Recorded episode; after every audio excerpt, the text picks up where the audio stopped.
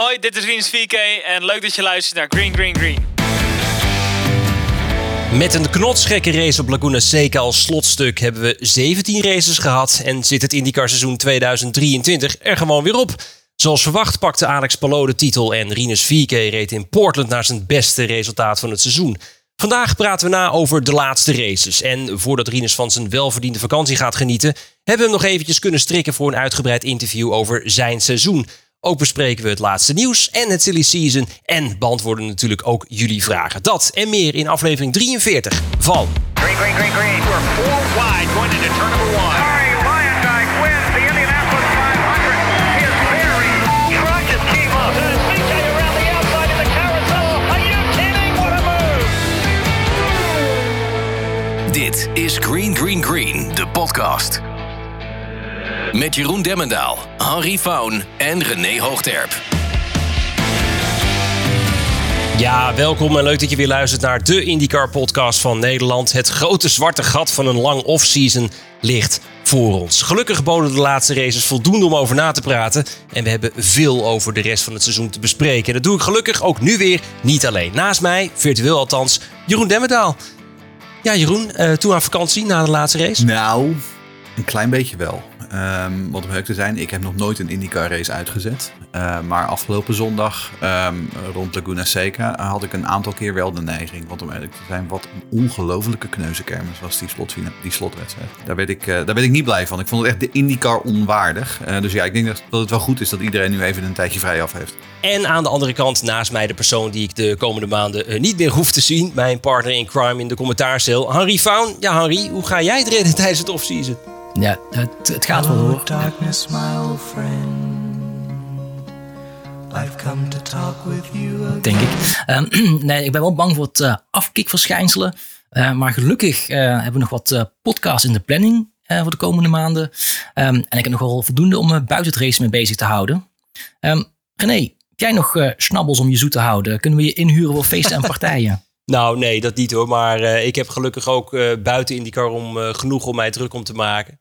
En ja, zoals je zegt, hè, we schuiven de komende maanden nog een paar keer rond de microfoon. Om zelf ook nog eens even goed terug te kijken en terug te blikken op het jaar. En hopelijk misschien ook nog een leuke special. Houd daarvoor natuurlijk onze Twitters in de gaten. Maar goed, laten we eerst nog eens eventjes terugblikken op de laatste races van het seizoen. De afgelopen drie weekenden hadden we drie races. Alle drie gewonnen door Ganassi, twee door Dixon en één door Palou. Die daarmee in Portland ook zijn titel officieel maakte. Palou en Dixon eindigden dan ook als eerste en tweede in het kampioenschap. En doordat Marcus Armstrong zijn titel als Rookie of the Year veiligstelde... werd het IndyCar seizoen 2023 een volledig Ganassi-feestje. Ja, want we, of in ieder geval ik, klagen nog wel eens over de dominantie van uh, Red Bull en Max Verstappen in de Formule 1. Ja, kom maar met die bel. Hey, is dit niet ja, de F1-referentiebel? Nou ja, kijk, zo erg is de IndyCar gelukkig nog lang niet. Hè. We hebben zeven winnaars gehad in uh, 17 wedstrijden, vier verschillende teams. Maar Ganassi heeft wel huis gehouden, hè. negen overwinningen. En hoe? Vooral in die laatste drie races. Dixon die won eigenlijk allebei die twee races op strategie. En dan uh, niet op banden fluisteren, maar toch wel op benzine fluisteren, waar die zo goed, waar die zo goed in is. En natuurlijk geholpen door uh, uh, Mike Hull, de IndyCar Yoda, de meester tacticus. Maar ook bij Pelot, alles was tactisch juist in Portland. Dus ook daar speelde die tactiek een, uh, een rol. Al moet ik ook wel zeggen, daar had die zegen toch ook wel heel veel te maken met zijn echt absurde snelheid. Want ik weet niet of je dat of je goed op opgelet, maar op precies het juiste moment, op het moment dat rail naar binnen ging, toen begon Palo uh, gas te geven. En hij reed gewoon in 10 ronden 12 seconden weg. En vervolgens had hij een gat van 12 seconden en op rail en al zijn achtervolgers ja, daar is het weer. Dat is wat hij zo goed kan. Hij kan dat doseren. Dat op het juiste moment pushen en pieken. Uh, wat we ook bijvoorbeeld in het verleden in de Formule 1 met Schumacher nog eens gezien hebben. Ja, dat kan Palo zo ongelooflijk goed. Het is ook gewoon een super combinatie, Palo en Ganassi. En als je dat niveau ziet wat Ganassi haalt, zowel met Palo als met Dixon, en dan begrijp je toch wel waarom Palo uiteindelijk toch bij Ganassi wilde blijven voor komend jaar. Um, al maakt hij zich daar zichzelf niet heel gemakkelijk mee. Uh, want McLaren klaagt hem nu aan voor een megabedrag van iets van 20 tot 30 miljoen dollar voor contractbreuk. Voor het contract dat hij dan toch wel schijnt te hebben. En zelfs een contract voor drie jaar, geloof ik. Wat hij al had getekend. Wat eigenlijk niet kon, omdat hij nog onder contract stond. Waarin stond dat hij geen ander contract mocht afsluiten. Nou ja, gedoe alom. Um, die 20 tot 30 miljoen, die is dan voor het voorschot dat ze hem ook al hebben gegeven, blijkbaar. Uh, als ze in hem hebben geïnvesteerd uh, in het uh, F1-testprogramma. En ook omdat ze sponsors al hadden beloofd dat zij een IndyCar kampioen eh, in de wagen zouden krijgen. En nou ja, dat eh, verhaal krijgt dus nog wel een flink staartje. En die Palo soap, dat is nog eh, lang niet voorbij. Nou ja, en over soap gesproken. Wat te denken van die laatste race dan op Laguna Seca. Ja, nou ja, ik noemde het net al een, een kneuzenkermis. Het was een slapstick comedie. Eh, ik, ik vroeg me halverwege de race af misschien dat er ergens op de nacht van zaterdag op zondag een, een breinetend virus heeft rondgewaard in de IndyCar paddock. Um, want het was werkelijk, het was bij alle herstarts was het raak. En misschien is dat al geen toeval, hè, want het was natuurlijk dat nieuwe asfalt. Dus buiten de racelijn was het heel glad.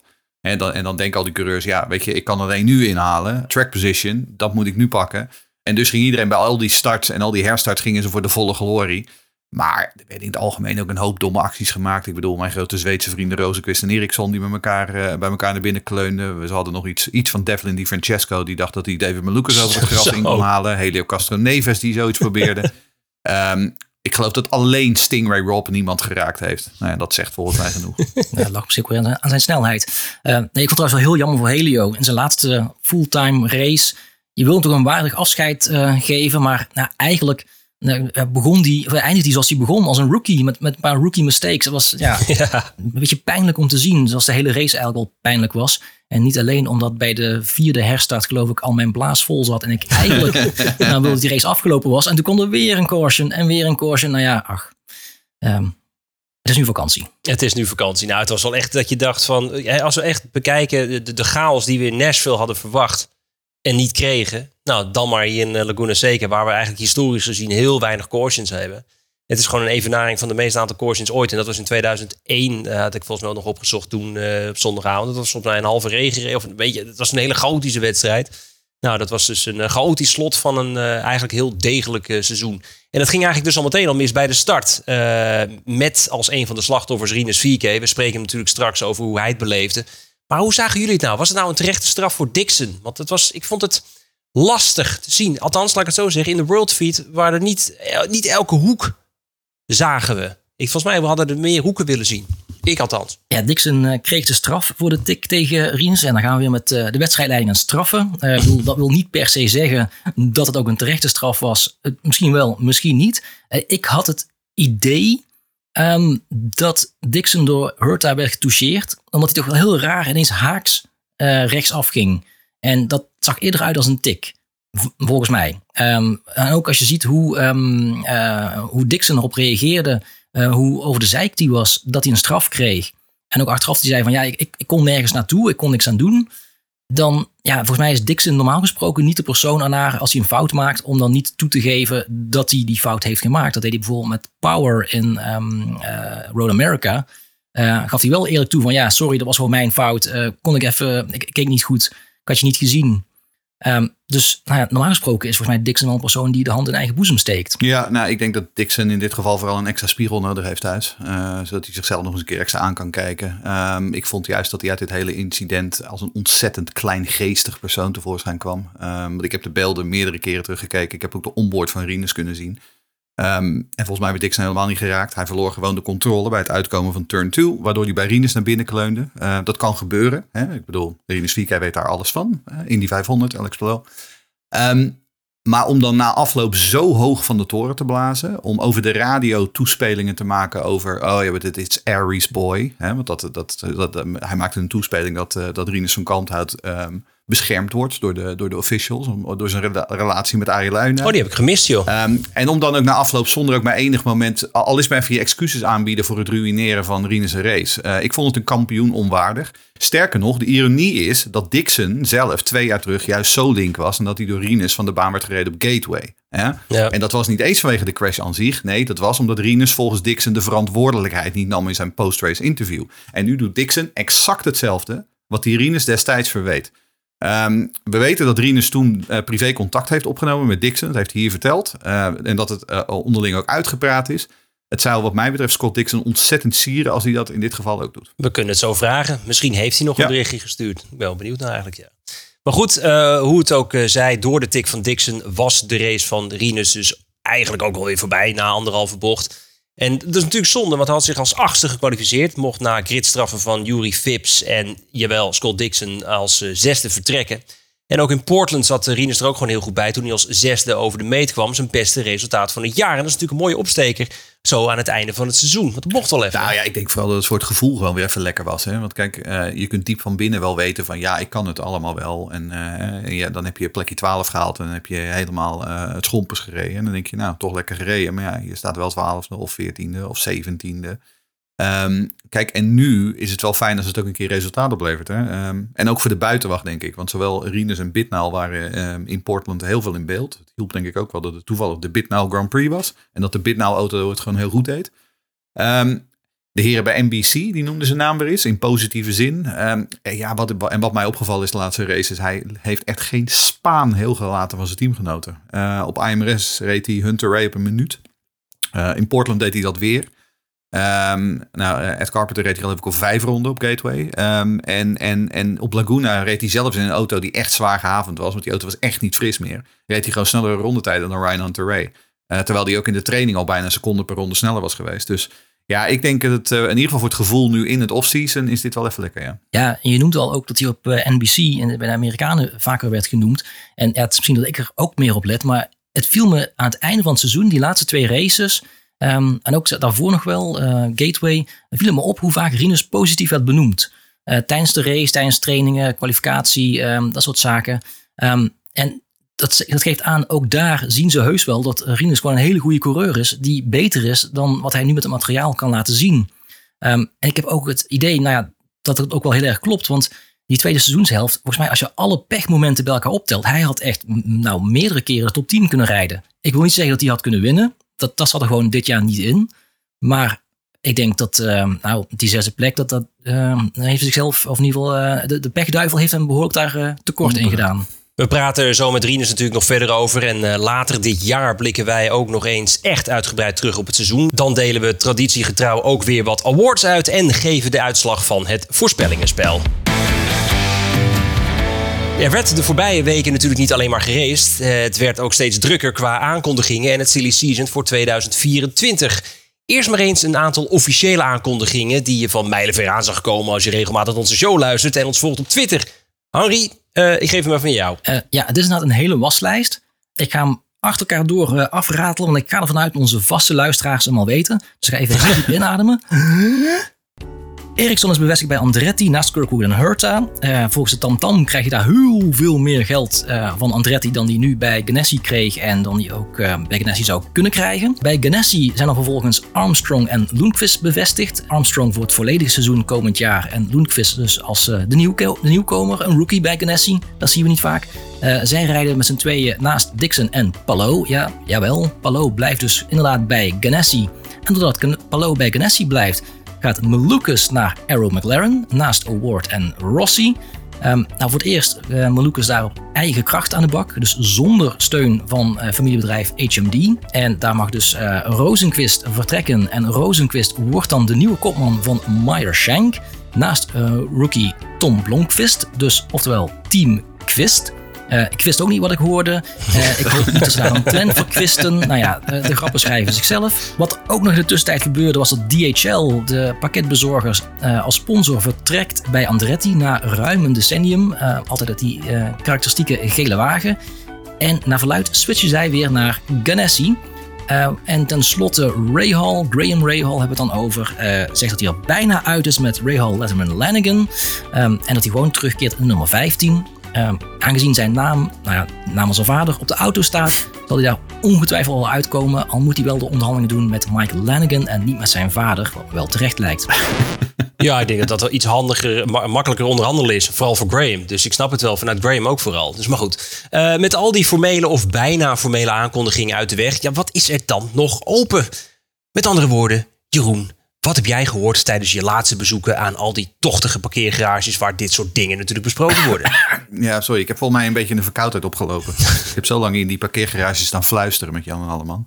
Ehm ja, ach ja, dit silly season. Hè. Het, is, het is echt het is het meest krankzinnige in jaren. Maar het houdt ons wel van de straat. Ehm, laten we maar beginnen waar we natuurlijk allemaal, wat we vooral willen weten. Die, die ECR. Hè. Eh, Rinus blijft in principe gewoon volgend jaar. Ehm, dat wordt wel steeds, steeds eh, eh, duidelijker. Maar wie komt er dan in die nummer 20? Want we weten, Ryan Hunter Ray, die stopt ermee. Die heeft dat aangegeven naar Laguna Seca. Ik heb het wel gezien. Ehm, Dus ome Ed, die kan nu gaan winkelen. Nou, zoals ik eerder deze week al meldde via Twitter, er staat op 25 september een test op het programma op Barber Motorsport Park in Alabama. Ehm, en het is vrijwel zeker dat eh, kerstvers Indy Next kampioen Christian Rasmussen die dag gaat rijden. Ik heb hem daarna gevraagd. Toen zei hij, ik kan het niet bevestigen. Ik zeg, maar je kunt dat is ook geen eh, ontkenning. En toen stak hij alleen een duim op. Dus, nou ja. Ehm, ik gok dat Christian Rasmussen inderdaad, die staat op de, op de radar bij Ed Carpenter Racing. Ehm, en de grote vraag is daarbij of hij steun krijgt van HMD. Eh, Henri meldt het net al. David Malukas gaat het nu zonder HMD proberen. Maar we weten dat er eerder gesprekken zijn geweest tussen ICR en HMD. Eh, er was na de Indy Next finale op Laguna was er een persconferentie. En daar zat ook eh, Davids vader, Henry Malukas. En toen vroeg ik aan hem van willen jullie eh, Rasmussen nu gaan helpen om in de IndyCars te komen? En toen zei hij dat dat inderdaad het geval was. Dus dat moeten we even afwachten. Nou, dan was er vervolgens sprake van dat regerend F Formule 2 kampioen Felipe Drugovic de andere testkandidaat zou worden. Ehm, maar volgens onze Braziliaanse vrienden van Formula Indy heeft eh, Felipe afgebeld. Die, wil liever nog een jaartje espresso's halen van Lance Stroll. Nou ja, dat, dat, moet, hij, dat moet hij zelf weten. En dus, ehm, wat ik ook afgelopen week al op Twitter zei, is dat ECR nu een oude bekende heeft gebeld. Ehm, want Rines oude Road to Indy-rivaal Oliver Askew gaat naar verluid eh, ook testen op Barber. Lijkt mij een hele goede benchmark ook voor Christian Rasmussen. Ehm, want Rasmussen is na Kyle Kirkwood de tweede coureur in de historie die alle klassen op de Road to Indy gewonnen heeft. Dus die kan echt wel wat. Uh, maar Oliver Askew, die jarenlang natuurlijk gewoon de rivaal was van Rinus VK uh, op de Road to Indy, um, die kan er ook wat van. Ja, ik ben stiekem wel een beetje benieuwd naar Oliver Askew. Ik heb altijd wel het gevoel gehad dat hij een tweede kans verdient uh, in IndyCar. Want nou ja, zoals je zei, in de Road to Indy nou, was hij gewoon de grote rivaal van, van Rinus. Dus dat niveau heeft hij minimaal wel. Um, en ook bij zijn eerste paar races in 2020, uh, toen hij debuteerde naast uh, Pato Award bij Arrow McLaren, haalde hij gewoon betere resultaten in die eerste paar races dan Award. Nou, dat, dat, hield hij vol tot zijn crash in Indianapolis. Daar hield hij een hersenschudding aan over. En, maar reed dat toch mee door. Uh, dus wat uh, dit jaar niet heeft gedaan. Misschien dat het bij Pagano nog wat erger was, maar goed. Um, hij had, uh, had ook um, SQ, die, die hersenschudding verschijnselen. Nou ja, dat, dat beïnvloedt toch hoe je kan rijden. En dat heeft zijn, nou ja, zijn seizoen, zijn resultaten en uiteindelijk zijn carrière geen goed gedaan. Dus ik ben echt wel benieuwd wat hij nog kan als hij nu weer in een IndyCar stapt. Ook toen hij een keer voor Rinus inviel op Road America, met zijn, toen Rinus met zijn fiets gevallen was. Die had gewoon ook heel behoorlijk voor nou, zo vers in, het team. Um, maar ja, aan de andere kant, als ik dan toch moet kiezen tussen SQ en een jong talent als uh, Rasmussen, ja, dan weet ik het wel. Dan ga ik voor Ra Ra Rasmussen, Mooi.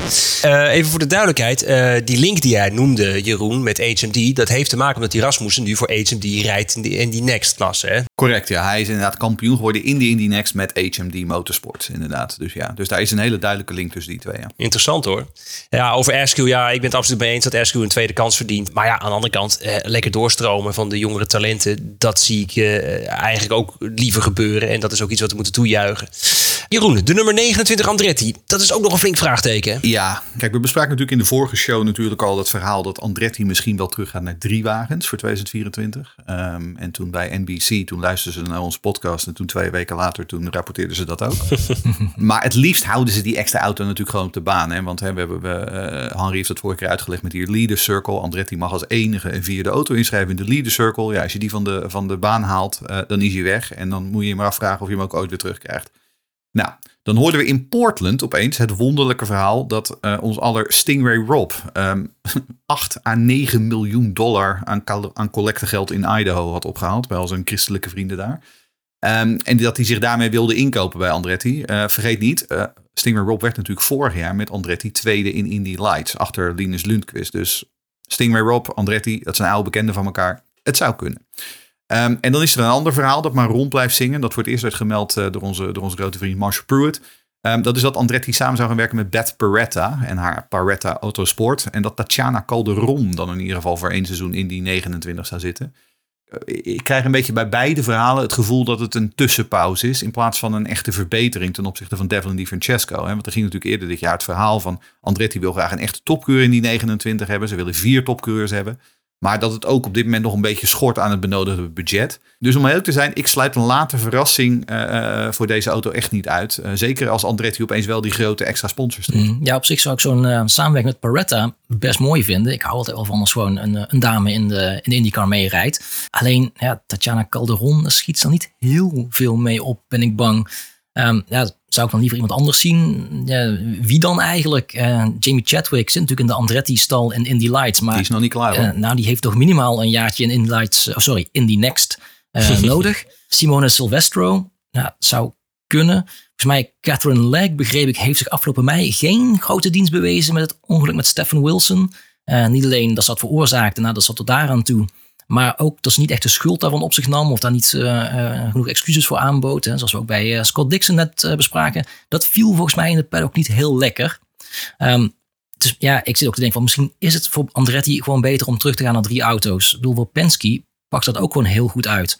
En Andretti kan wel een boost gebruiken, denk ik. Nou ja, precies. Want met die echt matige resultaten van Andretti de afgelopen jaren zou ik het eigenlijk wel heel goed begrijpen als ze terug zouden gaan naar drie auto's. Eerst de basis weer even op orde brengen. Eh, en dan verder bouwen. Nou, een team dat de basis weer op orde leek te hebben. En nou eigenlijk wel lijkt te hebben na een dramatisch begin van het seizoen. Is Royal Letterman Lanigan. Eh hebben nog een open stoeltje. De nummer 30, Jeroen. Ja, ja, dat is eigenlijk de meest voor de hand liggende van, het, eh, van, het, van het setje open stoelen wat we nu bespreken. Want nou, in Portland en Laguna Seca, dat hebben we gezien, kreeg Yuri Vips, de voormalige Formule 2-coureur, en Red Bull Junior, die kreeg de kans. Ehm, ja, die deed dat wat mij betreft echt meer dan prima. Eh, kwalificeerde zich voor zowel Christian Lundgaard als Graham Rail in Laguna. Ehm, en ja, ik kan me niet voorstellen dat ze nu dan iemand anders ongetest in raceomstandigheden in die wagen gaat zetten. Uh, en je krijgt ook het idee, als je Bobby Rahal over Vips hoort praten, dat ze een, een soort Lundgaard 2.0 in hem zien. Um, en nou, dan is er natuurlijk nog het kleine detail dat uh, Jury uh, in de woorden van, van haar uh, koninklijke hoogheid Maxima vorig jaar een beetje dom was tijdens het gamen. Uh, en een paar vuile woorden spuien in de ether. Maar ik moet zeggen, ik vond hem in de persco, die, die, die kwam na zijn aankondiging, vond ik hem heel erg schuldbewust. Hij was heel duidelijk van, ik heb een domme fout gemaakt.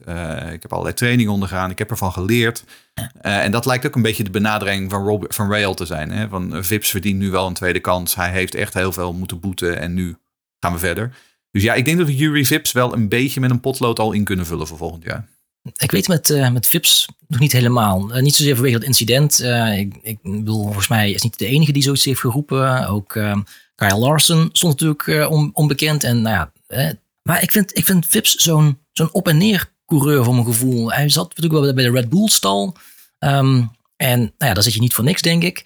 Alleen in de Formule 2 vond ik hem ook nooit heel indrukwekkend. Heeft volgens mij al een paar races gewonnen, maar ook een paar hele domme fouten vaak wel gemaakt. Dus um, nou ja, heeft natuurlijk een jaar nu niet gereden. Dus wat dat betreft wel een nou, redelijk indrukwekkend debuut. Dat hij gewoon lekker meekwam. Nou, voor zover hij mee kon komen en niet uh, eruit werd getikt allemaal.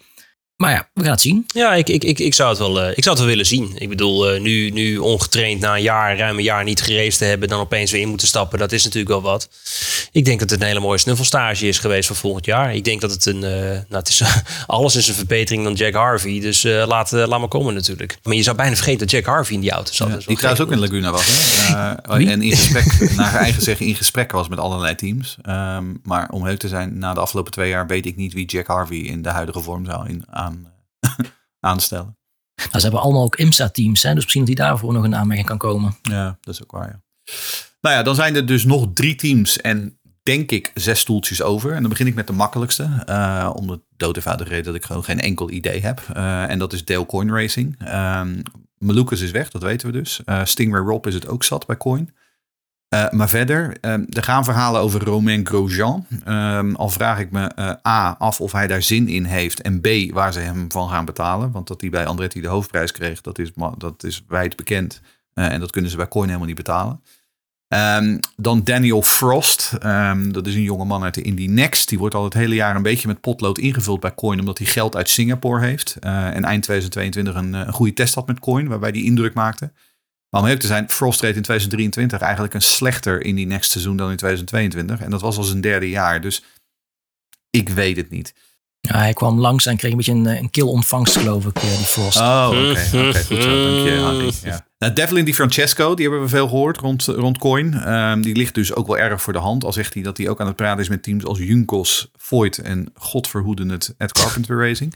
Kijk, tot een paar jaar geleden stond Coin heel erg bekend om het feit dat ze een week en soms zelfs dagen voor de seizoenstart nog twee TBA's, to be announced, op het wedstrijdformulier hadden staan. Ehm, of, het, of het ook zo erg gaat worden dit jaar, dat weet ik niet. Maar het zal nog wel even duren, denk ik. Ehm, en wat we niet moeten vergeten, er staat nog steeds eh, bij Coin in de schuur een derde auto. Die staat te wachten op een zak geld. Ehm, dus Coin, ik heb geen idee. Op zich, ergens, ik weet niet waarom, ik, ik zou een duo Grosjean de Francesco toch wel mooi vinden bij Coin. De Francesco voor het geld. eh, en nou ja, Grosjean zorgt altijd voor spektakel, linksom of rechtsom. Eh, je gaat altijd over, over hem praten. Eh, ik hoop dan wel voor hem dat hij ook zijn engineer Olivier Boisson mag meenemen. Want daar was hij wel succesvol mee bij Coin. Misschien dat hij daar toch weer het heilige vuur kan hervinden. No pun intended, eh excuseer eh, Romain. Ik vond Grosjean destijds eigenlijk indrukwekkender in zijn eerste IndyCar seizoen bij Coin dan wat hij bij Andretti heeft laten zien. En nu heeft hij dat, heeft dat wellicht wat te maken met flink wat gekonkel achter de schermen. Maar ik kan me wel voorstellen dat Grosjean nog wat unfinished business heeft in IndyCar algemeen. Maar of hij dan net zo kan schitteren als, eh, wat is het, twee jaar terug, eh, dat vraag ik me dan wel sterk af. Deel Coin is volgens mij ook nog flink leeggekocht de afgelopen jaren. Eh getuigen de matige prestaties van zowel Malukas als, als Rob. Dus ik, ik, ja, lastig hoor, vind ik dat. Ja, nee, dat ben ik met je eens. Ja, absoluut. Ehm, nou ja, en dan hebben we natuurlijk Junkos. Ehm, en bij Junkos Hollinger is het momenteel heel onrustig. en eigenlijk gewoon geheel onnodig. Want ze hebben toch eigenlijk best een aardig seizoen gedraaid. Een aantal redelijke resultaten gehaald. Maar toen was er op Laguna Seca was er opeens die aanvaring tussen eh, Callum en Agustin Canapino. Het kostte Canapino weliswaar een goed resultaat, maar dat was toch vooral zijn eigen schuld. Ehm, alleen ja, dan hebben we dus een heel klein groepje Argentijnse online hooligans. Die vonden dat van niet. Eh, en die gaven vervolgens Callum Islet net als in april naar Long Beach, toen ze ook een aanrijding hadden. eh, de volle laag. Dat was met doodsbedreigingen en al. Callum Islet die heeft inmiddels zijn, zijn socials op slot gegooid. Nou ja, dat is al erg genoeg. Wat veel erger is, is dat Junkos zelf en Canapino dat eigenlijk een beetje hebben laten begaan. En zelfs een beetje olie op het vuur gegooid hebben. Ehm, bijvoorbeeld Ricardo Junkos, de team-eigenaar, die gaf in eh, eh, de Zuid-Amerikaanse pers gaf hij ijdel de schuld van die botsing. Toen kwam er vervolgens 24 uur later kwam er een tandeloos teamstatement van ja, niet zoveel negatieve reacties mensen. Ehm, en ik heb zelfs begrepen dat Islet na die race in Laguna eh, eh, eigenlijk gewoon urenlang bewust genegeerd is door eh, de, nou, de pro-Canapino Canapino factie binnen Junkos. En dat is dus inclusief de teambaas. Dus ja, eigenlijk waar, waar het eigenlijk leek alsof Junkos kon bouwen op een redelijk succesvol jaar met dat duo oh, Islet Canapino, is het nu eigenlijk een, een hele giftige sfeer binnen dat team. Ehm, het probleem natuurlijk voor Islet is, hij heeft een doorlopend contract. Ehm, wordt wel gewoon goed betaald. Hij is, is natuurlijk binnengehaald als, eh, als Ferrari Driver Academy Junior. Ehm, en daarnaast, door die loop, er is momenteel een verkiezingscampagne in Argentinië. ehm, en, en de huidige eh, president die zou nog wel eens een schop onder zijn hol kunnen krijgen. En dan, daardoor is ook de aanhoudende financiële steun voor Canapino opeens heel onzeker geworden. Dus ja, het is bij Junkos is het, eh, het is rommelig. Ik probeer het altijd gewoon een beetje van twee kanten te, te bekijken. En ik kan me op zich bij, bij Junkos wel wat frustratie voorstellen. Eh, Ricardo Junkos had twee auto's, volgens mij, ja, met uitzicht op top 5. Hij heeft toen expli- expliciete opdracht gegeven van doe voorzichtig, eh, behaal dit resultaat voor het team. Ehm, een verkapte teamorder eigenlijk. Eh, en dan raken ze elkaar toch. En nou ja, dat was eh, natuurlijk een fout van Canapino die een beetje overstuur momentje had en daardoor eh, tegen Islet aanreed. Je kan ook zeggen, Islet neemt het risico om hem in te halen. Dus ik, ik kan me ergens frustratie over, dat, over die uitslag kan ik me voorstellen. Alleen ja, wat dan vervolgens gebeurt eh, met eh, hoe die eh Islet onder de bus gooit, figuurlijk. en door het publiek op te gaan inhakken. Canapino die ook online bepaalde tweets deelt of liked. Waarin Islet nou, voor alles wordt uitgemaakt. Ja, dat doe je niet. Dat bespreek je achter gesloten deuren. Je zegt tegen Islet van, ja jongen, ik had je eigenlijk gezegd om dat niet te doen. Ik ben blij dat je die vijfde plek hebt binnengehaald. Maar het had mooier kunnen zijn. Nou, zoiets. Eh, maar ik vraag me eigenlijk nu ook af, met de tweede keer al dat die Argentijnse fans zo losgaan met eh, bedreigingen en scheldpartijen. ehm, gaat IndyCar zich nog achter de oren krabben voor eventueel die eh, race in Argentinië? Ja, ja het is het meest, eh, het, het, het, meest lelijke internet hebben we eigenlijk de afgelopen dagen meegemaakt. Hè. Dat is, en en, en eh, bleef het daar dus maar bij. Dat is dus niet zo. En dat Island dan toch in zo'n groene kooi zit waar hij dan niet uit kan. Dat is pijnlijk.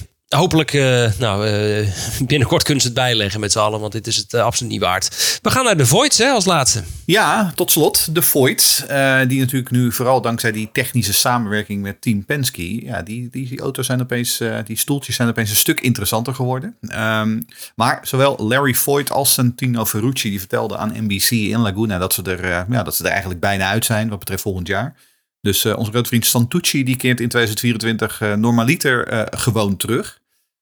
Dan hebben we nog Benjamin Peterson. En of die terugkomt, dat is een veel grotere vraag. Ehm, ik denk dat ik me heel voorzichtig uitdruk als ik zeg dat Benjamin niet heel veel indruk heeft gemaakt. Dat hadden we allemaal al voorspeld. Ehm, en er gaan verhalen dat hij met andere teams praat. Maar ik vraag me werkelijk af wie hem in zou willen huren. Ehm, de Francesco is hier naar verluid ook in beeld. Net als natuurlijk Stingray Rob met zijn, eh, met zijn 8 miljoen. Ehm, en als ik zou kunnen kiezen uit die drie, dan zou ik 100% voor Rob gaan. Ehm, kijk, ik heb wel eens eerder gezegd, dat hij, is een beetje een diesel. ehm, en, en hij had een heel lastig debuutjaar. maar dat had ook wel, wel heel veel te maken volgens mij met die waardeloze coinwagen. Eh, wat mij betreft is hij afgetekend de beste van de drie. Ja, nee, ik, eh, ik hoop dan ook inderdaad op, eh, op Rob. Nou, gewoon die naam nog steeds. Het, effect, nou, het is misschien een beetje uitgewerkt, maar we gaan hem missen als hij er niet meer is. Zo'n zo, zo'n mooie naam dat dan denken, hè, was hier nog maar Stingray Rob. Een van de beste namen sinds eh, Scott Speed en Will Power. Ehm, en bij, ja, bij Peterson, eh, ik heb hem volgens mij het hele jaar drie keer gezien. Eén keer toen hij in St. Pieter bij Francesco erin ros zette, in vaktermen. Ehm Eén keer ging hij heel hard bij de kwalificatie voor de Indy 500 en zakte hij daarna weer als een baksteen terug.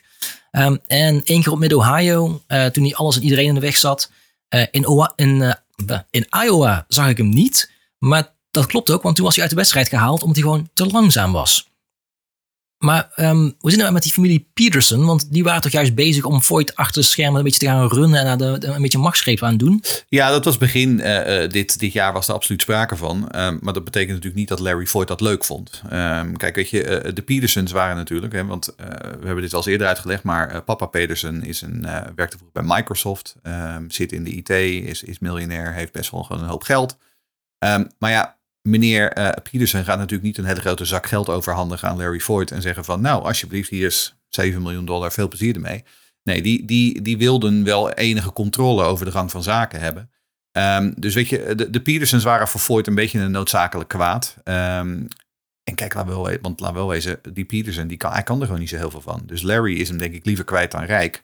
Maar ja, dan is de vraag, kan Benjamin Peterson inderdaad ergens anders heen? En zo niet, kunnen de Voids dan, eh, juridisch gezien en, en, en, en legaal gezien, wel van hem af? Dat is volgens mij vooral de kwestie eh, nu. Maar dat het rommelt tussen de Voids en de Petersons en dat eh, de onderlinge liefde wel een beetje bekoeld is, dat, is, eh, dat lijkt inmiddels wel duidelijk. Hebben ze al een keer geprobeerd om hem even uit te zetten, weer aan te zetten? Goed, dat waren dus de afgelopen weken. Laten we een eh, eerste keer terugblikken op het volledige seizoen 2023. En daarvoor leggen we contact met onze eigen hoofddorper in Florida, Rinus Wieke. Oh jongens, hoe is het? Ja, hartstikke goed. Maar eh, het belangrijke, dubbel gefeliciteerd. Niet alleen was je afgelopen maandag natuurlijk jarig, maar je hebt ook je vriendin Carmen ten huwelijk gevraagd. En ze heeft nog ja gezegd ook. Heb je Klaus Partyhouse al gereserveerd? Of, eh? Ah, ja, ja, we gaan met z'n allen lekker bolen, gelukkig. Nee, nee super, eh, super blij mee natuurlijk. Ik was eigenlijk eh, mijn verjaardag een beetje vergeten door alles, eh, alles wat gebeurt. Maar eh, ja, ja, heel blij natuurlijk. Iets, eh, iets- een heel ander soort, eh, soort geluk dan wat je normaal op het circuit hebt. Dus eh, ja, mooi, mooie manier om het seizoen mee af te sluiten zo. Hey, en wat is nou spannender? Die, je eerste Indy 500 starten of dit doen? Eh, op je knieën gaan en, eh, en, en, en de grote vraag stellen. Ik denk toch de Indy 500, want ik wist toch wel dat ze ja ging zeggen. Ik, eh, ik leef 24 uur per dag met haar, dus ik weet wel eh, hoe, ze, hoe, ze over mij, eh, hoe ze over mij denkt. Dus ik was heel zenuwachtig, maar dat het goed ging komen wist ik zeker daar. Die vraag die ga je maar één keer in je leven stellen als het goed is. Die in die 500, nou, dat heb je al een paar keer gedaan. Dus, Ja, dat, dat is waar, dat is waar. Alleen dan ben je afhankelijk van anderen. Oh ja. En dat ben je hier dan niet. Dus dat, dat is wel, dat is wel een verschilletje, maar nee, super, eh, super leuk. En eh, ze was echt eh, heel verrast en eh, heel blij ook met de vraag. Ik heb van Charlie Kimball de ring gekocht. Want zijn vrouw heeft een, eh, heeft een eh, diamantwinkel. Aha. Oh, ik, ik dacht dat Kimmel van zijn vrouw af wilde. Nee, ik heb, eh, in Nice. Portland heb ik op zondag contact opgenomen na de race. En eh, op vrijdag eh, had ik de ring. Op, eh, in eh Laguna Seca. Hey, en weet je al wanneer, die, eh, wa- wanneer de bruiloft ongeveer gaat zijn? Hebben jullie al een idee daarover? Eh, nou, we willen het een klein groepje doen. Eh, ik denk in mijn tijd dat ik in Nederland ben aankomende maand. Oh, Meteen. dus, Gewoon snel al. Zo snel al. Ja, best wel snel. Eh, er zitten ook wel nog wat, eh, wat eh, positieve dingen aan verbonden met, eh, met in Amerika wonen. Ah. Dus eh, gewoon met de familie doen en met z'n allen doen. Maar eh, nee, het is toch wel, eh, toch wel heel... ja, gewoon met, met een klein groepje. Gewoon met, eh, met familie, mijn familie, haar familie. En eh, ja, dat is natuurlijk Ja. zo dan ook één familie. Leuk We zeg. gaan, we gaan later nog wel echt een groot feest doen. eh, hoe we dat gaan doen met al onze Nederlandse en Amerikaanse vrienden. Moeten we misschien eh, ja, halverwege ontmoeten in de Bermuda, bij Bermuda driehoek of zo. Even kijken wat het handigste is. Ja, of ergens een weekendje eind mei, een, eh, een zondag of zo. Ja, waarom niet, joh. Ja. Ja. Hey Rinus, eh, laten we het seizoen eens eh, met, je, met je doornemen. En dat doen we aan de hand van de vragen van de luisteraars. Eh, hartelijk bedankt natuurlijk voor alle vragen die binnen zijn gekomen. We doen dat zometeen per fase van het seizoen. En we blikken natuurlijk ook nog vooruit. Maar misschien eerst als schot voor de boeg. Tijdens onze mid-season review. Dan gaf je jezelf een 8 tot 8,5. En je team was je best wel kritisch op. Dan gaf je het team een 4. Eh, op welke rapportcijfers kom je nu uit als je nu aan het einde van het seizoen terugkijkt? Eh, ik denk dat ik voor mezelf voor 9 ga. Team denk ik nog steeds onvoldoende, maar een 5. Eh, aan het einde van het seizoen wel een beetje verbetering gemaakt. Uiteindelijk mijn be- beste roadcourse qualifying laatste weekend in Laguna Seca. En mijn beste finish van het seizoen in, in Portland. Dus dat was goed. En ja, voor mij de rest van het seizoen heb ik eigenlijk echt geen fouten gemaakt. Tweede helft. Ik ben ook met, eh, met die, een, een bepaalde mindset race in- ingegaan. En ik doe met Fever. Finish every fucking race. en eh, die, die, eh, die heeft best wel goed geholpen. Alleen heeft Dixon daar einde gemaakt op het einde. Maar daar kon ik dan niks aan doen. Nou, hij heeft hem wel gefinished in ieder geval. Dat, eh, Ja, dat wel. Dat wel. Ja, als we dan eh, terugkijken en als we naar het scorebord kijken, een beetje de scorebordjournalistieke, waar natuurlijk eh, dit seizoen je tweede startplaats in Indianapolis en je zesde plaats in Portland je beste resultaten op papier. Ehm, maar wat waren nou daarnaast de races of de momenten waar je het meest trots op bent van het afgelopen seizoen? Ja, toch de kwalificatie in Indy. Die, race, die race dan weer niet. Dan, er zat er één foutje bij die cruciaal was. Maar zeker die race in Portland. Dat is waar ik een auto had waar ik echt bij kon pushen. En echt mezelf... Ja, waar, waar mijn rijden echt, eh, echt terugkwam. Zeg maar die highlights die, die in andere seizoenen eh, te zien waren. Dus daar kon ik echt mezelf zijn en, me, en mijn rijden laten spreken, zeg maar. Dus dat was, dat was gewoon geweldig om, eh, om die acties te maken. En, en om wel even in de spotlight te staan weer. Ja. Nou, en Robin Prinsen, die vroeg ook, wat, wat, wat vond je je beste race van het jaar? Maar hij wil ook graag weten, wat was je slechtste race van het jaar? En heb je ook misschien één of twee domme acties gemaakt dit jaar? Nou, die kun je waarschijnlijk zelf al inkoppen, die laatste. Nou, die domme acties, ja, die, die- in, de, in de pitlane eh, iets te veel haast in, eh, in Indy, die, eh, die was duidelijk. En ik denk toch wel ehm, eh, begin van het jaar, de eerste race in St. Piet, gewoon onnodig risico genomen met, met Newgarden in een race waar, als ik gewoon die race had uitgereden, buiten pace bekeken, en gewoon een top 5 kunnen halen. Dus ehm, ja, toen dacht ik nog niet helemaal aan eh, Fever. Maar eh, nee, dat, dat, daar had toch wel heel veel. eh, daar lagen veel punten op, op tafel. En ik denk mijn slechtste race dit jaar Detroit. Daar was ik best wel, best wel redelijk goed, goed op weg. Alleen het einde van de race gewoon een paar, ja, een paar keer gewoon de verkeerde lijn gepakt. En zo door de marbles dat ik eh, ehm, ja, uiteindelijk 18e werd. Terwijl ik op een rond de 10e, 12e plek rondreed. Dat was gewoon zonde. Eh, maar dan kreeg je ook nog een beuk van Hurta, toch? In die slotfase. Klopt, klopt. Alleen daarna zat ik zo, had ik zoveel druk van eh Di Francesco dat ik volgens de marbles in ging. En die marbles waren echt wel een ding. En eh, daar gooi ik het eigenlijk op het einde gewoon weg. Dus ik denk dat het wel een van mijn mindere races was dat. In ieder geval wat ik zo kan bedenken was Detroit wel eh, een beetje mijn minste race van het jaar. Niels eh, de B die voegt er een eh, wat meer psychologische vraag aan toe. Hij vraagt, ja, het is geen makkelijk jaar geweest. zeker met de verwachtingen die er waren. Hoe ga je hiermee om als coureur? Het lijkt me dat het best wel eens frustrerend kan zijn, vraagt Niels dus. Het kan heel frustrerend zijn. Het is zeker mijn moeilijkste jaar tot nu.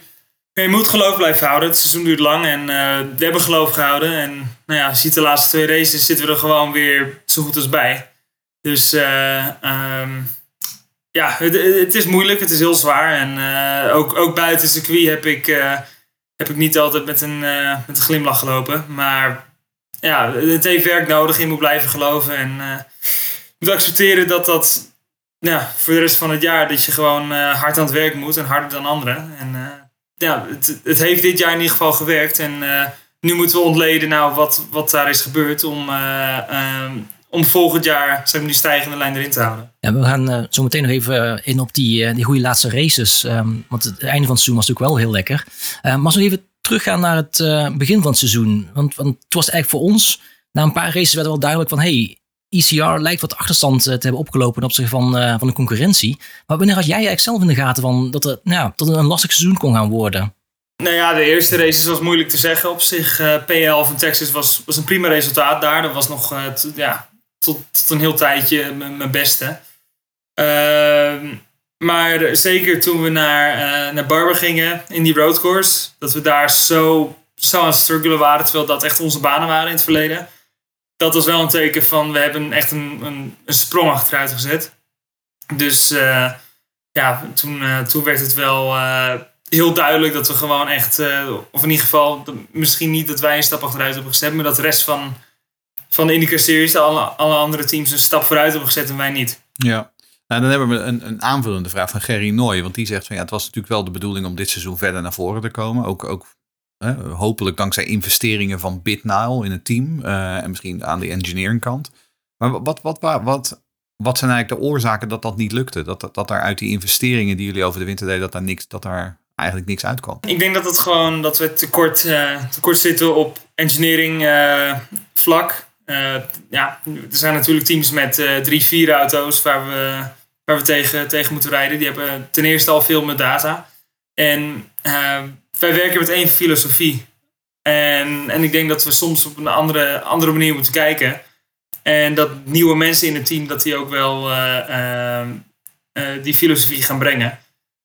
Dus dat is voor ons wel een grote, gewoon eh, meer engineering power en, en meer brains binnen het team halen. Nou, en toen natuurlijk hè, hadden we die, die, die teleurstellende start. En toen werd na Detroit werd het roer omgegooid. En toen, toen, toen ging Daly die ging eruit. Ryan Hunter die kwam. Wa- Was jij er rouwig om dat, dat Daly de laan uit werd gestuurd? Eh, en dan vraag ik dat omdat jullie natuurlijk een aanvaring hadden in die slotfase tijdens de Indy 500. Daar werd ook naar, naar buiten steeds brutaler en negatiever. Wa- Was hij een beetje een stoorzender aan het worden? Ik denk toch wel een beetje. ehm, ik denk dat hij een beetje eh, ook wat opgegeven op de, eh, de progress die ICR maakte. Zeg maar, het was een moeilijk jaar. we waren zeker niet goed genoeg. Maar je moet, je moet hoop houden. En ik denk dat hij die een beetje had opgegeven. En daardoor ja, met een beetje een zure appel. En eh, one bad apple spoils the rest. Dus eh, nou, toen, eh, ja, ik denk dat toch wel ik was best wel, best wel blij dat Hunter erbij kwam. Zeker met zijn ervaring en met zijn, met zijn drive en zijn, zijn hele professionele. ja, zijn hele professionele filosofie, hoe hij het team inkomt en hoe hij, hoe hij eh, zich voorbereidt voor de races. Dat is toch wel iets waar ik aan, eh, ja, van kon leren. En van Connor leerde ik op een gegeven moment helemaal niks meer eigenlijk. En eh, van Ryan kon ik nog heel veel leren. Dus dat was voor mij ook een hele grote. Nou ja, sinds Ryan is bij het team is gekomen, ben ik ook als rijder stuk completer geworden, vind ik. Ja, want dat is het nou natuurlijk ook. Hè. Ik, eh, ik, ik noem het de kwestie Ryan Hunter Ray. Want enerzijds horen en lezen eh, ook van jou dat hij heel erg geholpen heeft de afgelopen maanden. Maar anderzijds reed je hem eigenlijk vrijwel elke race het snot voor de ogen. Eh, en qua resultaten heeft hij niet zo heel veel bijgedragen. Ik bedoel, op, op Laguna was je een seconde sneller per ronde. Ja, Dus hoe, hoe, hoe, moet ik dat rij- hoe moeten we dat rijmen? Nou ja, het gaat natuurlijk super snel binnen IndyCar. Eh buiten de snelheden ook gewoon hoe snel dingen veranderen. Eh, ik denk dat Ryan gewoon nog een beetje in de, eh, in de oldschool boot zit, zeg maar, met, met rijden en eh, zijn, zijn manier. En ja, ik ben al zo, zoveel ontwikkeld naar 2023 IndyCar. Ook met het halfseizoen eh dat ik al, ja, dat hij er niet bij zat. Maar ik denk ook wel, ehm, ja, ik denk, denk dat, dat voor hem met het zilveren randje een klein beetje er vanaf is. Hij wil met zijn kinderen gaan karten. Hij wil, hij wil dat gaan doen. En eh, alleen in die 500 denk ik nog in de toekomst. Maar ik merk wel dat, ik, eh, dat hij mij ook heeft gepusht om nog sneller te worden. Dat het, dat gat daarom ook groter is. Maar ook, eh, ja, voor mij was het ook wel goed om in plaats van Conor Daly zoek te rijden, Ryan Hunter zoek Ja. te rijden. Ja, absoluut. Maar als ik dan even mag, eh, mag pinpointen, wat, wat is dan echt iets concreets wat je geleerd hebt? Dat is dan misschien niet qua rijtechniek, als ik jou zo mag begrijpen, maar vooral een beetje werkethiek misschien wel? Of, of communicatie met het team? Is, eh, is hij daar heel sterk in? Heeft hij je daarbij geholpen? Ja, zeker de communicatie met het team, maar ook eh, de manier hoe ik een raceweekend inkom. Eh nou, elke race die er op, op dat bepaalde circuit is gereden, kijk je terug. Eh, notities maken. Hij wordt gewoon s'nachts wakker en dan schrijft hij dingen op. Van oké, dat moet ik uit gaan zoeken. En eh, ik denk dat daar wel wat in zit. En ook het team helpen op die manier met, eh, met development. Met nou, wat als we dat proberen. Ik denk dat die auto dat wel nodig heeft. Dus iets meer technisch en mentaal gewoon beter voorbereid zijn. Eh, en meer part of the team zijn in plaats van alleen een coureur. En je kon natuurlijk ook gewoon echt twee vol, volkomen verschillende dingen proberen. Zoals jullie in Toronto deden. Dat jullie allebei met een radicaal andere setup gingen rijden. Dat kon je met Daily eigenlijk nooit doen. Omdat je altijd die halve seconde daily bonus erin moest eh, rekenen. zeg maar. Ja, zeker. Maar ook, ehm, ja, Ryan en ik hebben de, dezelfde, eh, dezelfde rijstijl. Dus wij houden allebei van een auto die heel los is. En ehm, ja, wij, wij houden van rotatie en, en onderstuur. Dat, dat mag allemaal maar weg. En Conor die hield juist van een klein beetje onderstuur, van een klein beetje marge. Dus dat, dat, dat werkte nooit heel erg goed samen. Dus daarom waren wij niet, eh, konden wij niet het beste als een team samenwerken. Maar met Ryan was het echt ideaal. Ja, zeker in Toronto, wat je zei. Om een compleet andere setup erop te doen. En eh, ja, na de eerste training zonder vraagtekens daar naartoe gaan. En anderhalve seconde sneller zijn. Dat, eh, dat, dat heeft ons weekend gered. En dat hij met, een- met een koffer met eh setups van Andretti meekwam, dat, eh, dat, dat eh, was ook niet eh, verkeerd natuurlijk. En nee, dat, dat, dat, eh, dat, eh, dat helpt zeker. En, eh, maar ja, alsnog, soms, soms was, eh, was de ECR setup, setup nog beter dan, eh, dan die Andretti setup. Mede dus dankzij Ryan Hunter Ray eh, was echt wel een duidelijke stijgende lijn in de tweede helft van het eh, seizoen. Daarover kregen we een aantal soortgelijke vragen van eh, Monique Bormans, Remco Hadders en Jelmer Tilstra. Eh, in de laatste races van het jaar leek de snelheid er goed in te zitten. Wat hebben jullie aan de auto of in de processen veranderd, waardoor op het einde van het jaar ineens weer beter ging lopen? En kunnen jullie dat vasthouden richting 2024? Ja, goede vraag. Ehm, nou eigenlijk zijn wij gewoon, eh, ook in Portland, dat is wel echt een beetje een, eh, een, verschil geweest. Ehm, zijn we gewoon naar de setup gegaan waar we vorig jaar op reden en ineens ging het heel goed. Dus eh, wat daar precies zo goed ging, ehm, ja, dat, dat, dat, ehm, dat is een goede vraag. Daar gaan we dus heel goed naar kijken. Ehm, eigenlijk die setup van Portland is wat we ook gebruikten in, in Laguna Seca. Dus eh, met dat nieuwe asfalt moet je gewoon een gok nemen. Dus eh moesten we ergens voor gaan en dat werkte ook. Dus er moet iets zijn met, met de demperafstellingen daar wat, wat gewoon heel goed was. Dus als wij dat beetje kunnen recyclen en in andere setups erin kunnen zetten... denk ik dat we dat volgend jaar ook, eh, goed kunnen gebruiken. En onze stratencircuits, straatraces waren al over het algemeen een beetje onze beste races dit jaar. Dus die setup, eh, ja, dat is eigenlijk denk ik gewoon echt dat, dat samenwerken met Ryan. Waar we een, ja, gewoon allebei een andere setup konden probe- proberen. En ja, vaak was zijn Andretti setup ook gewoon een betere. Vergeleken met wat wij, wat wij vorig jaar hadden. Dus die, eh, die info, ja, die Andretti auto is natuurlijk heel goed op, eh op stratencircuits. Dat konden wij toch wel een beetje meenemen. Dus ik denk toch wel een beetje die info van Ryan en... eh, ja, en een klein mysterie wat we op moeten lossen. We gaan het even over Laguna Seca hebben. Want het had natuurlijk heel mooi kunnen worden. Hè? Je ging als zesde van start, maar toen was daar Scott Dixon. Nou, daarover kregen we twee vragen die enigszins een andere kant uit redeneren. Laten we beginnen met Jan Rosso. Die vraagt, is het na de race op Laguna Seca nog uitgepraat met Dixon? Wat altijd relatief normaal is voor de IndyCar. En voordat je daar antwoord op geeft, dan kan ik ook meteen Wim Boele erin gooien. Die gooit het namelijk over een iets andere boeg. Eh Rinus, je werd van de baan gebeukt door Dixon. Een paar ronden later komt hij langs je om je op een roller te zetten. Heb je dan niet de neiging gehad om hem, hem een sweeper terug te geven? Of is dat toch iets meer NASCAR? Misschien kunnen we het een beetje samenvatten eh, als van hoe beleefde jij dat moment? Eh, wat waren je emoties op dat moment? En wellicht na afloop en hoe gaat het dan achteraf met Dixon? ik wist geen eens dat hij daar zat eigenlijk. Ik denk, ik, ik, ik keek in mijn spiegels. Ik denk, wow, ik ben eruit. En ineens, ineens word ik geraakt. Dat was balen natuurlijk. Hij heeft een penalty voor gekregen. Waar hij zelf niet zo blij mee was uiteindelijk. Wat ik heb gelezen was ik Ari's boy. Maar volgens mij gebeurde een soortgelijk iets in de pitlane tijdens de Indy 500 bij mij en Palou. Als ik, als ik daar niet was, had hij in de, pit, in, eh, in de grindbak gestaan, eh, Dixon. En als Palou daar niet was, had ik zelf in de muur gestaan in Indy. En we hebben dezelfde penalty gekregen. Ik vond het best wel gelijk.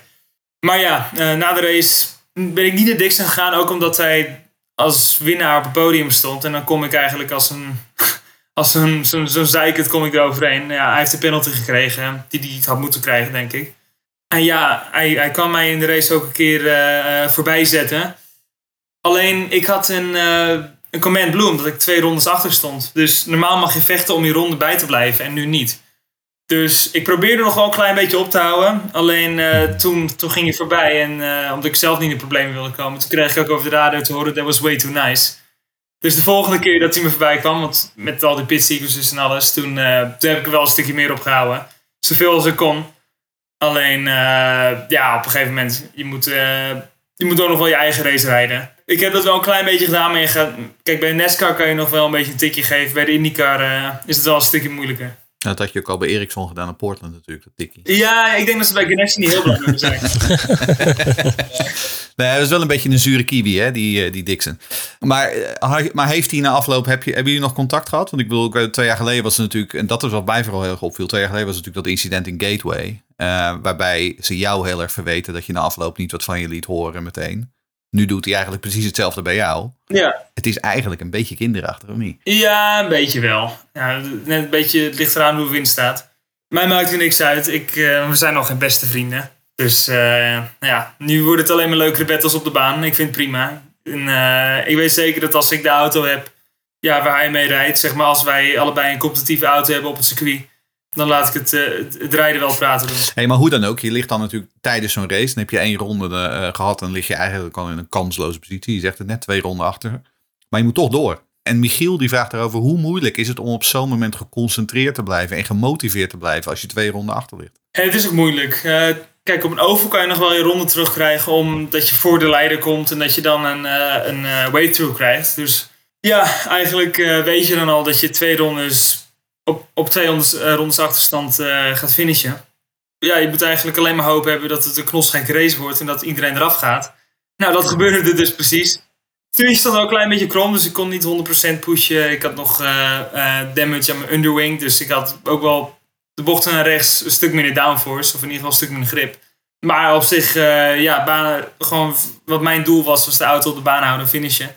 Uiteindelijk had ik twee andere auto's nog op, op dezelfde ronde als ik. Nou, die, heb ik dus, die ben ik voorgebleven. Ja, het is eigenlijk gewoon een kwestie van de race finishen. Er is eigenlijk geen, ja, er is helemaal niks aan. Maar eh, uiteindelijk nog wel eh, nou, dat puntje gepakt om voor, eh voor Rahal te komen kampioenschap. Rail 14e te verslagen alsnog, hè, op één punt. Ja. Ja, op één punt. Ja, dat is. Kwam eigenlijk, eh, wat was het? 15e of 16e? Het kwam, nou, 15e kwam ik, eh, kwam ik de race in. Ik had eigenlijk een eh, verschrikkelijke race door wat er gebeurde. Maar nog steeds, eh, nog steeds omhoog gaan in het kampioenschap. Dus dat was mooi. Als we dan de blik op het volgende seizoen gaan richten. Jordi Bedman vraagt welke dingen moeten nou echt gaan verbeteren voor volgend seizoen bij ECR? En ik zou misschien nog specifieker willen stellen. Welk huiswerk hebben Ryan en jij het team meegegeven voor het komende seizoen? Nou, ik denk toch wel meer personeel erbij halen. Ervaren personeel. Eh, van, vanuit grotere teams. Eh, daarin investeren, dat is belangrijk. We kunnen gelukkig veel testen in de off-season door de hybrid motor. Dus we krijgen eh, hybrid testdagen. Dus ik heb ook met het team besproken dat ik veel meer involved wil zijn met, met wat er gaat gebeuren. eh, volgend jaar met het team. wie mijn teammaten worden. Wie er nieuw bij het team komt. Ik wil ook met die mensen gaan praten. En ik wil dat er een goed gevoel bij zit. En, en hopelijk als ze met mij kunnen praten dat ik het eh, door kan pushen. Dus ik wil echt part of the team zijn. En niet, eh, niet een half jaar ja, als, eh, als buitenstaander erbij staan. Jij zegt van ja, we, we willen graag engineers binnenhalen van grotere teams. Maar ik bedoel, als ik bij Telstar speel en ik ga naar Ajax en ik zeg ik wil graag jullie spits hebben, dan zegt Ajax van ja, nou, dat kun je vergeten. En dan zegt die spits ook van ik ga niet bij Telstar spelen. Waarom, waarom zou een engineer van een, van de grotere teams naar ICR komen? Hoe, hoe doe je dat dan? Nou ja, gelukkig kent Rijn ook veel mensen eh, vanuit, vanuit hun carrière, vanuit zijn carrière, maar ook eh, ja, de, meeste, de meeste mensen, bijvoorbeeld Matt Barnes, mijn engineer, die heeft ook bij eh, nou ja, de helft van het IndyCar vel- veld heeft hij heeft hij gewerkt als als, als nieuwkomer toen nog vanuit, vanuit school. Dus daar heeft hij alles geleerd. Dus, dus iedereen kent elkaar binnen de paddock. En er zullen ook wel mensen zijn die, die bij goede teams werken, maar toch iets nieuws willen doen. En eh, hopelijk een, eh, een, een project als dit eh, zien als een, als een kans om, om het team een stuk beter te maken. Je noemde net al de hybride motoren. Voor komend jaar staan die dus op het programma. Jan Rosso en daar is hij weer, Jordi Bedman, die we vragen daar ook over. Van, ja, wat zijn jouw gedachten over dat, dat nieuwe hybride tijdperk in de IndyCar? Ze kijken er zelf naar uit. Wat verwacht je er zelf van? Ja, dat weten we nog niet, want we krijgen in november pas die componenten. dus eh, ja, het is wel veel vertraagd. Ik sprak met Will Power, die er al een beetje mee heeft getest. En die ook veel development gaat doen eh, voor, eh, voor Chevy. Die zei tegen mij dat we echt een stuk meer torque krijgen vanuit de hybride motor. Dus ja, dat zou heel mooi zijn. Ik hoop dat het alleen voldoende is om dat extra gewicht, ja, om het nog een beetje racy te maken. Dus niet dat het zometeen een, een limousinewedstrijd wordt. maar echt, echt mooi, mooi IndyCar zoals het nog hoort. Er wordt natuurlijk veel over gesproken dat het gebruikt gaat worden voor push to pass. Maar het het kan dus ook gebruikt worden gewoon permanent tijdens een ronde. Met een, eh, met een, met een maximum. Volgens mij komt er meer torque bij. Dus Ja. gewoon echt vanuit die hybrid motor. En dan heb je ook nog, volgens mij wat ik hoorde, maar ja, ik, ik hoor zoveel. eh vier seconden push to pass elke vier rondes. Oh ja. Zeg maar een, Oh ja. soort, eh, een soort boost. Dus, dus elke vier rondes heb, krijg je vier seconden Hmm. ja, batterijtjes zeg maar, die je leeg kan, eh, leeg kan drukken. Weet je eigenlijk ook al hoe het op een oval gaat werken? Want het systeem moet natuurlijk op, eh, opladen door te remmen. Maar op een oval rem je, nou, als het goed is niet. Eh, hoe, hoe moet je daar gaan werken? Ja, er zijn nog best wel veel vraagtekens over. Ik weet dat Chevy ook nog niet heel veel wil zeggen, omdat er nu zoveel development is. En vergeleken met Honda moeten ze natuurlijk, is dit hun kans om een grote stap te maken. Maar ik denk dat, eh, ik denk dat er misschien wel van een off-throttle, Een engine braking of zo. beetje hetzelfde als wat de Tesla heeft, zeg maar, dat er een soort van engine brake komt, dat die, eh, dat die gaat een eh, regen doet, zeg maar. Ja, je hebt natuurlijk sowieso, ook sowieso wrijving, waardoor je kinetische energie krijgt. Denk ik. Precies, ja, en we hebben op, eh, op ovals liften we heel veel, zeker in, eh, in verkeer. Mm. Dus eh, ook op Indianapolis, al is het eh volgas in de kwalificatie, dan liften we echt heel veel om, om die downforce een beetje terug te krijgen. Dus eh, ik denk dat het wel een, eh, een kans is om die batterij weer terug op te Ja. laden. En wat Gillian, die vraagt ook verder nog. hè, Denk jij dat teams als Penske en Ganassi eh, meer profijt hebben van, van hun technische mogelijkheden met die nieuwe motoren vergeleken met een ECR? Ik bedoel, bijvoorbeeld dat Penske heeft een windtunnelprogramma. En dat om maar eens wat te noemen. Nou ja, ze, ze hebben, ze hebben meer engineers, meer auto's. Dus technisch gezien, ja, moeten zij wel een grotere stap maken. Maar het is voor ons ook weer een kans om, om ook weer een stap te maken om iets, eh, eh, om iets in te lopen en een beetje te gokken. Ja, Chevy en Ganassi zijn volgens mij de, de hoofdteams die al het eh, development doen voor Honda en Chevy. Maar Chevy die geeft ook heel veel info naar de teams. Er is zeg maar ook een data share en alles. Dus, dus via alle Chevy teams wordt er gewoon heel veel, heel veel bekendgemaakt qua engine settings en alles. Dat is gewoon helemaal open. Dus dat is fijn. Dus daar lopen ze niks op ons uit. Maar qua setup ja, moeten, we wel, moeten we hard aan de slag. We ontkomen natuurlijk ook niet aan, het, eh, aan silly season vragen. Eh, onze halve podcast gaat er meestal over. Ehm zo wil Hidde weten, is er contact geweest tussen McLaren en jouw manager nadat Palo een palootje deed? Ehm, en misschien dat we het iets algemener nog kunnen trekken. eh, want je hebt natuurlijk een doorlopend contract bij, bij ECR. Tegelijkertijd is er ook wel interesse van andere teams, eh, hebben we ons laten influisteren. Eh, hoe ga je daarmee om? Laat je dat allemaal aan je manager over? Of ehm, nou, eh, focus jij je op het racen? Hoe, hoe, hoe, hoe gaat dat? Ja, dat laat ik echt aan mijn manager over. Hij is, hij is zeg mijn contactpersoon. Belangrijk ook vind ik dat, dat ik me op het race kan focussen. En dat hij in overleg, uiteindelijk in overleg met mij, maar ook zeker met mijn vader, dat we keuzes maken of, of iets doen. Ja, hij heeft veel interesse gehad van, van, van andere teams. En daar laten we het bij. En daar laten we het bij, ja. hey, ehm, en dan natuurlijk nog iets. Want ik weet dat jij hier zelf natuurlijk officieel nog niks over mag zeggen. Maar ik heb me laten influisteren dat ECR later deze maand eh, Christian Rasmussen en Oliver Askew gaat testen. Heb jij, heb jij zelf na de ervaringen met Daly en, en Hunter Rain de voorbije jaren nu een soort van een lijst met dingen en kwaliteiten die jij, eh, die jij in een teammaat zoekt? En, in- en in hoeverre word jij door ECR betrokken bij die beslissing over wie er in 2024 in die nummer 20 rijdt? Ik word er heel erg in betrokken. Eh, ik ga ook, eh, ja, ik ben in Nederland voor een, eh, voor een maandje, maar ik vlieg voor twee dagen terug naar, naar Alabama om, om daar bij die test te zijn. Om ook mee te luisteren, mee te kijken hoe, hoe de reis het aanpakken en wat er best bij mij past als teammaat. Het was ook een must dat ik terugkwam om, eh, om bij die test te komen. En, eh, Maar waar, ben- waar ben jij, ben jij naar, naar een bepaald type op zoek? Is er, want je, je noemt bijvoorbeeld, bijvoorbeeld eerder dat Hunter Ray heeft een soort, zel- zelfs soort rijstijl als jij. Is dat dan iets waar je naar, naar, naar kijkt? Ja, dat is iets waar ik naar op zoek ben, maar ook het liefst een beetje ervaring. Heel erg de wil natuurlijk, maar ook ervaring. Ja, of, iemand, of iemand die technisch, iemand die misschien technisch ook kan, eh, met een engineer kan eh, denken van... hé, hey, ik, ik voel dit, kunnen we dan niet dat doen? En dat je denkt, hé, hey, dat zou ik inderdaad ook zeggen. Of juist helemaal niet en kijken hoe dat uitpakt. Dat soort zaken is natuurlijk ook interessant. Ja, dat zeker ook, maar ook een positieve jongen. Want eh, nou ja, ik kan wel zeggen, Ryan was een stuk positiever dan Connor. En dat helpt het team ook. Hmm. Dus eh, dat en natuurlijk eh, gewoon rauwe pace. Ja, dat kunnen die jongens eh, die, die we nu horen fluisteren, die kunnen natuurlijk gewoon hard rijden. Dus dat, eh, Zeker. dat, dat, dat is in ieder geval al goed voor elkaar inderdaad. Ja. Hey, wordt het, worden het twee auto's, voor zover jij weet? Of komt er eventueel nog een derde bij? Eh, zoals ik weet, gewoon blijft hetzelfde zodat het, eh, zoals het dit jaar was. Dus eh, ja. ook Ed, als het goed is, blijft hij gewoon eh, doen wat hij, wat hij deed. Gewoon over. We gaan naar het off-season. En eh Wian heeft een vraag over het off-season. Hij, eh, hij of zij, dat weet ik trouwens niet. Wie, Nee, weet ik Wian? Nee, weet ik eigenlijk niet. Nee, sorry. Eh Wian die zegt, hoi Rinus, eh, ga je tijdens de lange pauze die nu komt nog races in andere klasses rijden? Of wordt het heel veel testen met de hybride auto? Eh, ja, zeker testen met de hybride auto. Maar ik ben ook weer bezig om, eh, om de 24 uur van Daytona te doen. Leuk. Dat is altijd wel mooi op de lijst. Een mooi opwarmertje voor het IndyCar seizoen. Ik heb nog een pols over waar een horloge omheen kan. Dus eh, daar gaan we voor. We kregen nog een, een eh, vraag in de categorie eh, algemene vragen eh, van Danielle. Wat is fysiek zwaarder om te racen? Ovals, street courses of road courses? En pas jij je training en voeding hierop aan? Eventueel ook in het off-season. Ja, ik denk zeker toch wel de street en road courses. Je bent gewoon een stuk drukker bezig met van alles. Maar ja, dan moet ik ook wel zeggen, Iowa ben je eigenlijk bijna constant aan het sturen. En constant die bumps. En dat is echt gekhuis. Dus dat is wel een... dat is de moeilijkste of de zwaarste oval. Maar zeker, ik, ik denk dat ik toch wel de, de street moet kiezen.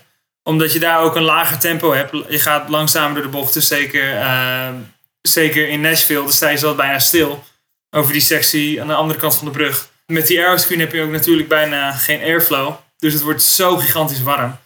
En toevallig zijn die street course races ook altijd gigantisch heet. Dus eh, ja, dat wordt altijd goed warm. Dus eh, ik, ik probeer altijd extra te drinken daarvoor, extra klaar te maken. Ehm, en qua eten, ik eet heel veel bananen voor de race. Want ik heb één keer honger gehad ooit, tijdens een eh, race in Piet. Dat is niet lekker tijdens de race. Dus eh, ik eet gewoon zoveel mogelijk bananen, want die zijn gewoon lekker weg, weg te knallen. Er werd heel veel afgelopen weekend, nou ik wil bijna zeggen geklaagd over hoe zwaar het circuit van Laguna Seca werd door de nieuwe asfaltlaag. Ik hoorde Carl Kirkwood hoorde ik erover. Eh Graham Rail hoorde ik erover. Hoe heb jij dat ervaren? Ja, het was echt gigantisch zwaar. Eh, nou ja, we hebben natuurlijk geen eh, power steering, dus bocht 9 was echt, eh, ja, daar- werd het stuur gewoon uit je handen getrokken. En in midden in de bocht ging je stuur gewoon, eh nou, stond hij ineens recht en dan ging je recht op de muur af. Dus zo, zo zwaar was het. Je kon ook niet accuraat zijn omdat je met zoveel power aan het stuur zat te, te trekken. Dus we hebben ook wel, eh, ja, na de kwalificatie voor, voor de warm-up en de race hebben we een ander stuurrek erin gedaan. Dat je zeg maar meer moet sturen om dezelfde stuurhoek te krijgen. Maar Ja, in ja. ieder geval, dat, dat, dat maakt het ietsje lichter. Want in de kwalificatie verloor ik gewoon tijd in bocht 9, omdat ik... eh, Toen je daar wijd ging, was het dus eigenlijk een soort dat je dacht, eh, je ging echt heel erg wijd en over de, over de streep, toen je daardoor wel net naar de 2. Dat was dus zo'n momentje. Ja, ja ik, ehm, ik probeerde vol gas te gaan door die bocht. Het kon eigenlijk wel, alleen mijn stuur ging gewoon steeds recht. En ik werd steeds naar, naar buiten geduwd, zeg maar. Wauw. Ik dacht, dat is gewoon de kortste lijn richting start-finish. eh, de Dat luidt ook de officiële Ja, lezing, Henry. Dat luidt de Dit, officiële dit lezing. knippen we er even uit. Ja, precies. ja, precies, ja. Het was de, de wijste lijn zonder het gras in te gaan. Ja. Overigens trouwens, dat, dat eh, Nashville moet dan volgend jaar wel iets beter worden. Want dan natuurlijk dat, dat hele langzame stuk er nu uitgaat. Hè? Ja, dat klopt. Dat klopt. Alleen we hebben nu een Formule 1 pitlane, dus dat wordt ook wel Dat wordt ook weer lachen inderdaad, ja. Dan hebben we nog een vraag van Stefan. En die zegt, wat is jouw favoriete en jouw minst favoriete circuit in de wereld waar je gereden hebt? In de wereld zelfs. In de wereld, ja. Ja, mijn favoriet. Ah, nog in het Midden-Oosten Mijn gereden. favoriet is denk ik nog steeds Road America. Maar ik denk dat Laguna Seca op die repave er ook wel bij past. Echt heel cool. Mm. Buiten Amerika moet ik toch zeggen Bahrein. Vind ik echt een leuk circuit om te rijden. Ja, dan minst favoriete circuit. Ik heb een keer gereden op een circuit dat heet The Firm. Dat wordt eigenlijk voor rallycross gebruikt. Dat, was, eh, dat is in Gainesville, in Florida. Hmm. En daar heb ik een keer met de USF 2000 getest. Nou, dat zijn volgens mij zes bochten, allemaal 90 graden. En daar was niet zoveel aan. Daar was echt niet, niet veel aan. Dus het heet The Firm. Volgens mij kun je het online geen eens vinden. Ja, zoveel mensen houden ook van, van die baan. Hey, en die, eh, want je gaat natuurlijk in, in maart ga je een miljoen dollar winnen op de Thermal Club. Ehm, maar eh, kijk, kijk je daar een beetje naar uit, naar die, naar die speciale race? Het is, wel, het is wel wat anders dan anders. Het is wel heel apart. Ik denk dat de Lara het meest blij is met eh, deze actie. Want iedereen wil natuurlijk een miljoen. Dus dat wordt mooi cashje voor de Lara. Maar nee, ik denk dat... ja, ik heb er wel zin in. Ik ben wel heel benieuwd hoe dit gaat. Heat races natuurlijk ook. Dus een beetje... eh, ja, een alternatieve stijl voor, eh voor Unico races zelf. Het is een beetje als wat, wat ze in, eh, hoe heet het, in, eh, in NASCAR doen met die stages ook een beetje, toch? Dat deed me een beetje Eh, denken. ja, klopt. Klopt. Dus eh, ja, ik ben heel benieuwd.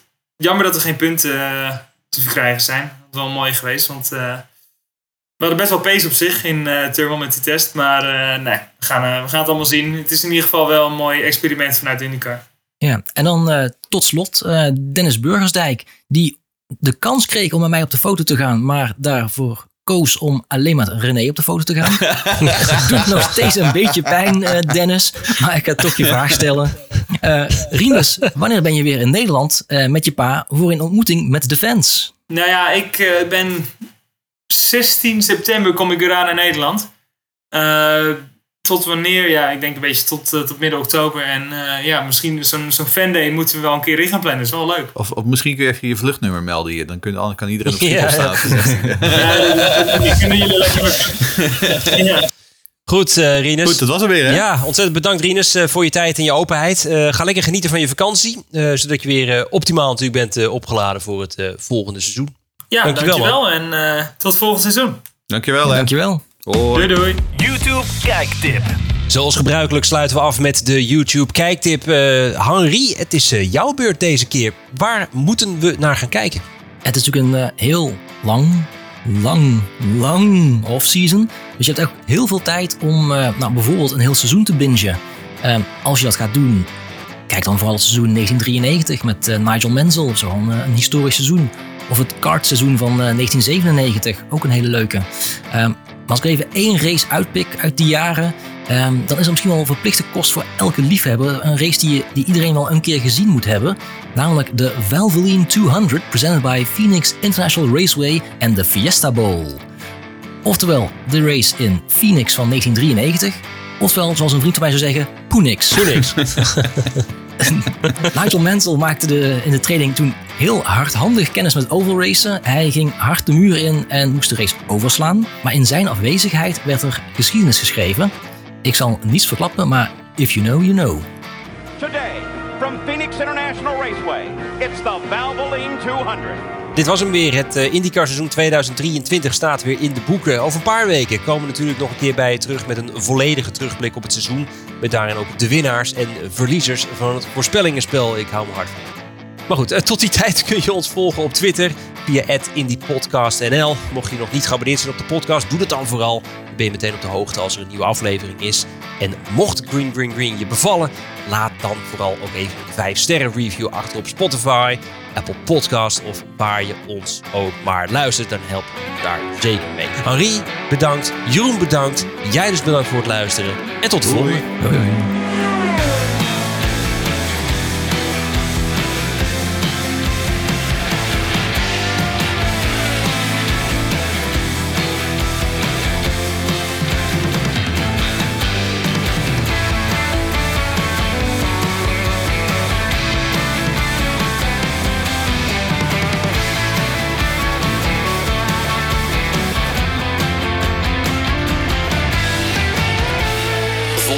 laatste IndyCar nieuws van Green Green Green op Twitter via @indypodcastnl en abonneer je op Green Green Green via je favoriete podcastplatform.